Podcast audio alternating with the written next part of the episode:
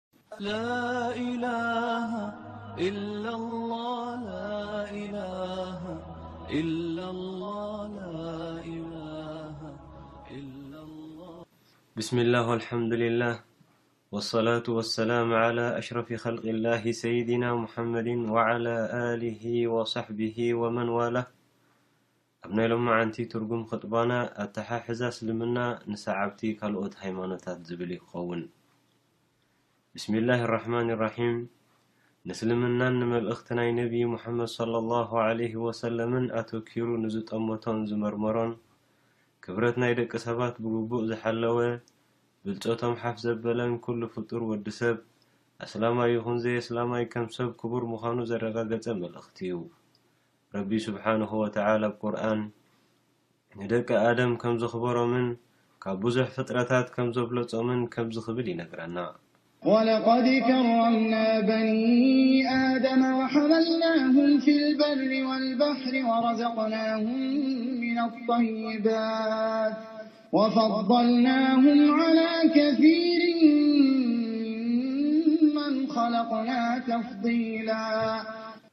ኩላቶም ከም ሰብ መጠን ኣብ ዓይኒ ኣላህ ግቡእ ኣለዎም፣ እንተኾነ ሓደ ካብ ሓደ ዝበልጸሉ ምኽንያት ብመጠን ዘለዎም ፍርሃት ናይ ኣላህ፣ ኢማኖምን ጽቡቕ ጠባዮምን እዩ።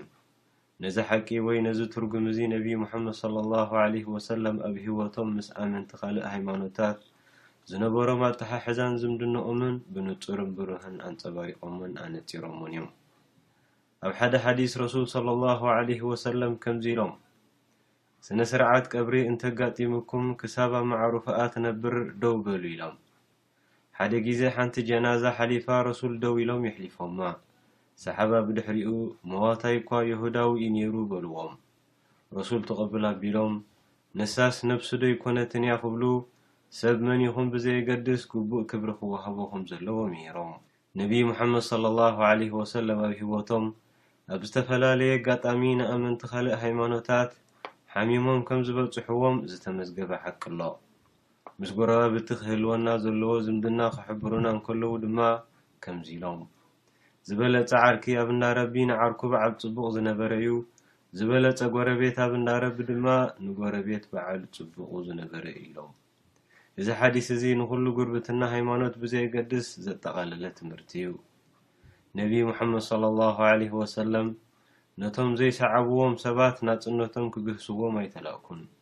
ብኣንጻሩ ብምጽውዋር ምክብባርን የሕልፍዎ ነይሮም፣ እዚ ድማ ካብቲ ቀንዲ መሰረታዊ መለለዪኦም ነበረ። ዋላኳ ነቢይ ሙሓመድን ሰሓባን እስልምና ጥራይ ሓቀኛ ሃይማኖት፣ ማንም ፍጡር ድማ እስልምና ክኽተል ከም ዘለዎ ይፈልጡን ይኣምኑን እንተኾኑ ብዘይ ድልየቶም እስልምና ክቕበልዎ ግና ብፍጹም ኣገዲዶም ኣይፈልጡን። ነዚ ሓቂ ድማ ቁርኣን ኣነጺሩ ኣብሪህዎ ኣሎ። ላ ኢክራሀ ፊዲን ቀድ ተበየነ ሩሽዱ ሚነል ቐይ። ኣብ ሃይማኖት ምግዳድ ወይ ምቕሳብ የልቦን። ብርግጽ እቲ ቅኑዕ ጎደና ሓቂ ካብቲ ናይ ጌጋ ጎደና ተነጺሩ ወይ ጎሊሑ እዩ ይብል። ንሓደ ሰብ ናብ እስልምና ክኣቱ ብዝኾነ መንገዲ ከተገድድን ክትቅስብን እስልምና ኣየፍቅድን እዩ። ወላ ወላዲ ውን ይኹን ነቲ ጽቡቕ ዝደልየሉ ውሉዱ፣ ውሉዱ ውን ንወላዲኡ ከገድዶን ክድርኾን ኣይክእልን።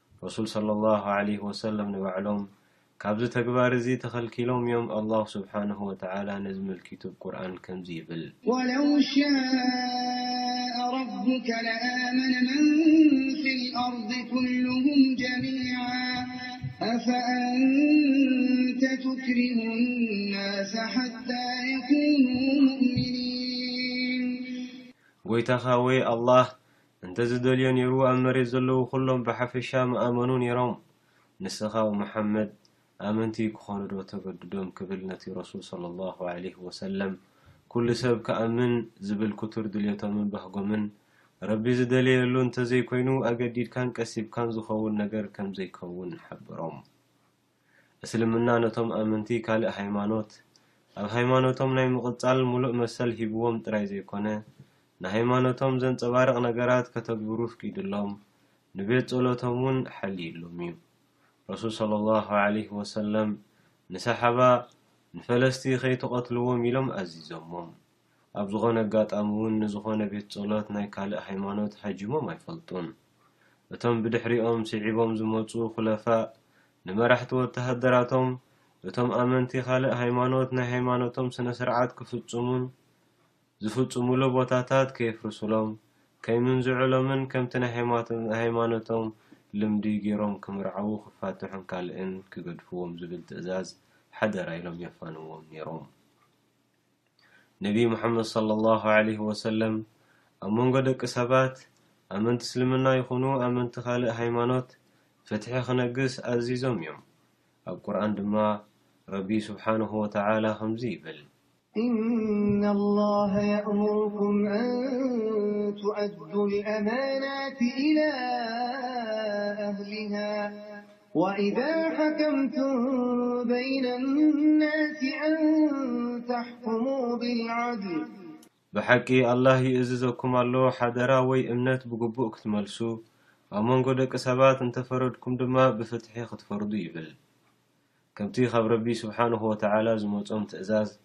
ረሱል ሰለሏሁ ዓለይሂ ወሰለም ኣብ ልዕሊ ካልኦት መንዮም፣ ጾተኦም፣ ሃይማኖቶም፣ ወለዶኦም፣ ካልእን ብዘየገድስ ፍትሒ ኣንጊሶም። ካብ ዓማጺ ወላውን ኣስላማይ ይኹን ነቲ ዝተዓመጸ ግቡኡ የረክቡን ይህቡን ነይሮም። ረቢ ሱብሓነሁ ወተዓላ ንረሱል ሰለሏሁ ዓለይሂ ወሰለም ብዛዕባቶም ክሽምገሉ ዝመጹ ሰብ መጽሓፍ ክርስትያን ይኹን ኣይሁድ እንተ እንተፈረድካ ኣብ መንጎኦም ብፍትሒ ፍረድ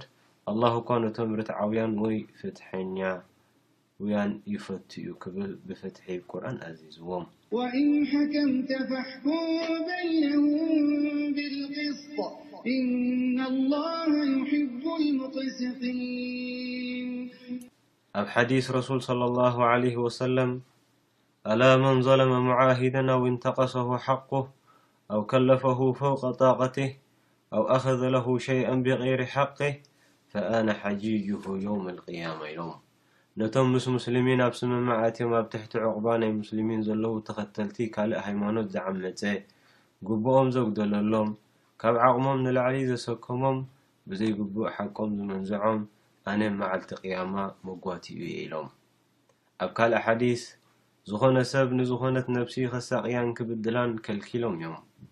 ኣላሁ ዓዘ ወጀል ዩዓዚቡ ለዚነ ዩዓዚቡነ ናሰ ፊ ዱንያ ኢሎም። ኣላህ ነቶም ኣብ ኣዱንያ ንደቂ ሰባት ዘሳቐዩ ኣብ ኣኼራ ከሳቕዮም እዮም ኢሎም።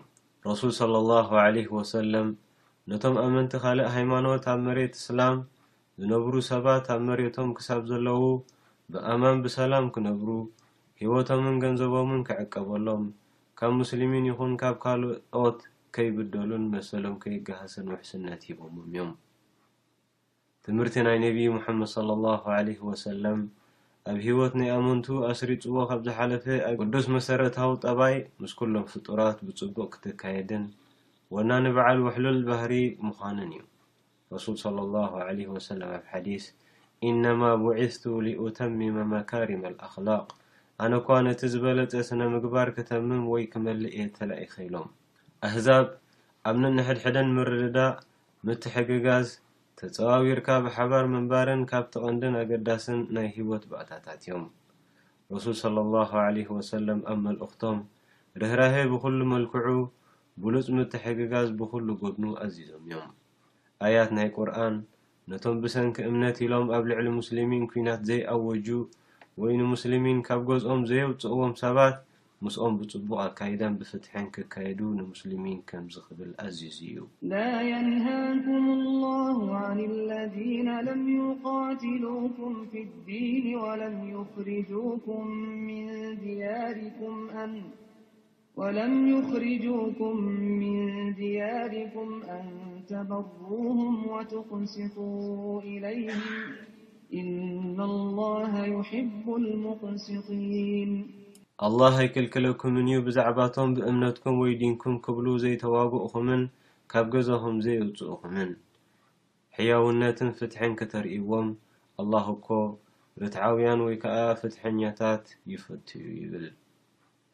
ዑለማእ ኣብዛ ኣያ እዚኣ ነታ ቢር ትብል ቃል ክፍስሩ እንከለዉ ንድኹማቶም ክንርህርሃሎም፣ ንድኹኦም ክንሕግዞም፣ ንጥሙዮም ከነዐንግለሎም፣ ንዕሩቓቶም ክንከድነሎም፣ ልኡም ዘረባ ክንዛረቦም፣ ብንዕቀትን ብምፍርራህን ዘይኮነ ብለውሃትን ብትሕትናን፣ ረቢ ከህድዮም ዱዓ ክንገብረሎም፣ ኣብ ኩሉ ምንቅስቓሳቶም ድማ ክንምዕዶምን ንመንገዲ ሓቂ ክንጽውዖምን ካልእን የጠቓልል ማለት'ዩ ኢሎም።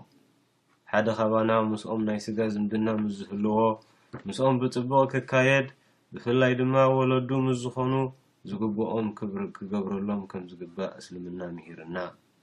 ኣስማእ ቢንቲ ኣቢበክር ረዲየላሁ ዓንሃ፣ ኣዲኣ ገና ኣብ ሽርክ እንከላ ክትበጽሓ ኢላ ምስ መጸት ንረሱል ከምዚ ክትብል ሓተትክዎም ትብል ያ ረሱል ኣላህ ኣደይ ተሃንጥያ ቀሪባትኒ ክበጽሓ ዶ ረሱል ሰለላሁ ዓለይሂ ወሰለም ትቅብል ኣቢሎም እወ ነዴኺ ብጽሕያ ክብሉ ብጽቡቅ ጠባይ መዓድዋ ሓደ ግዜ ውን ልኡኻት ካብ ነጅራን ዝተባህለ ቀቢላ ኣመንቲ ክርስትና ናብ መዲና መጺኦም ድሕሪ ዓስሪ ናብ መስጊድ ናይ ሙስሊሚን ኣተዉ ግዜ ናይ ስግደቶም ስለ ዝኣኸለ ድማ ክሰግዱ ኢሎም ተስኡ። ሰሓባ ክኽልክልዎም ኢሎም ብድድ በሉ እሞ ነዚ ዝረኣዩ ረሱል ሰለሏሁ ዓለይሂ ወሰለም ግደፍዎም በልዎም። ንሳቶም ድማ ንምብራቕ ኣንፈቶም ገይሮም ስግዳኖም ኣከናወኑ። ብተወሳኺ ረሱል ሰለሏሁ ዓለይሂ ወሰለም ነቶም ኣብ ትሕቲ ሙስሊሚን ጂዝያ እናኸፈሉ ዝነብሩ ኣህሉ ዚማ ክዕንገል ዝደለየ ከዕንግልዎ ከም ዘለዎም ኣዚዞም እዮም። እስላማዊት ሃገር ኩሉ ግዜ ናይቶም ሙስሊሚንን ኣመንቲ ካልእ ሃይማኖትን ሓላፍነት ወሲዳ ትከታተል ሃገር'ያ። ጥጡሕ መነባብሮ ክህልዎም፣ ሰሪሖም ክኣትዉ፣ ሰላም ከስተማቕሩ፣ ካብ ናይ ውሽጣውን ግዳማውን ተጻብኦታት ክትከላኸለሎም፣ ንሙስሊሚን ዝጎድእ ተግባር ወይ ሓሳብ ክሳብ ዘየንቀሉ ድማ እምነቶም፣ ባህሎምን ልምድታቶምን ከካይዱ ናጽነት ትህቦም። ረሱል ሰለሏሁ ዓለይሂ ወሰለም ንኣመንቲ ካልኦት ሃይማኖት ከም ድልየቶም ክሰርሑ፣ ምስ ካልኦት ናይ ስራሕ ውዕል ክገብሩ፣ ዝመረጽዎ ስራሕን ሞያን ከማዕብሉ፣ ማዕረ እቶም ሙስሊሚን በብዓይነቱ ናይ ኢኮኖሚ ንጥፈታት ከካይዱ፣ ኣብ ዕድግን መሸጣን ክዋፈሩ መሰል ሃቦም።